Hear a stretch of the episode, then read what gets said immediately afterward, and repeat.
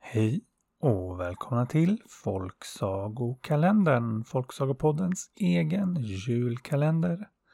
Det är den 9 december och varje dag har vi ju besökt ett landskap och det är likadant idag när vi har kommit fram till Bohuslän som ligger på Sveriges västkust strax ovanför Halland och innehåller bland annat en bit av Göteborg och en stor del av Göteborgs skärgård med flera stora öar såsom Hisingen, Körn och Orust.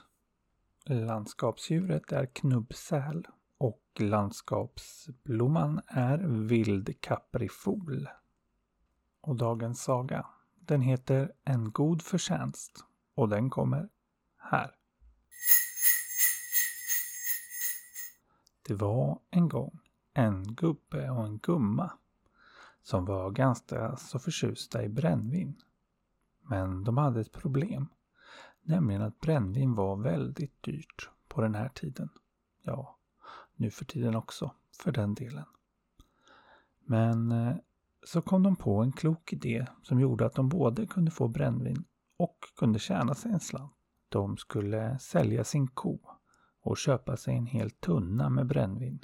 Och så skulle de sälja supar av den och på så sätt tjäna ihop mer än vad de köpt den för.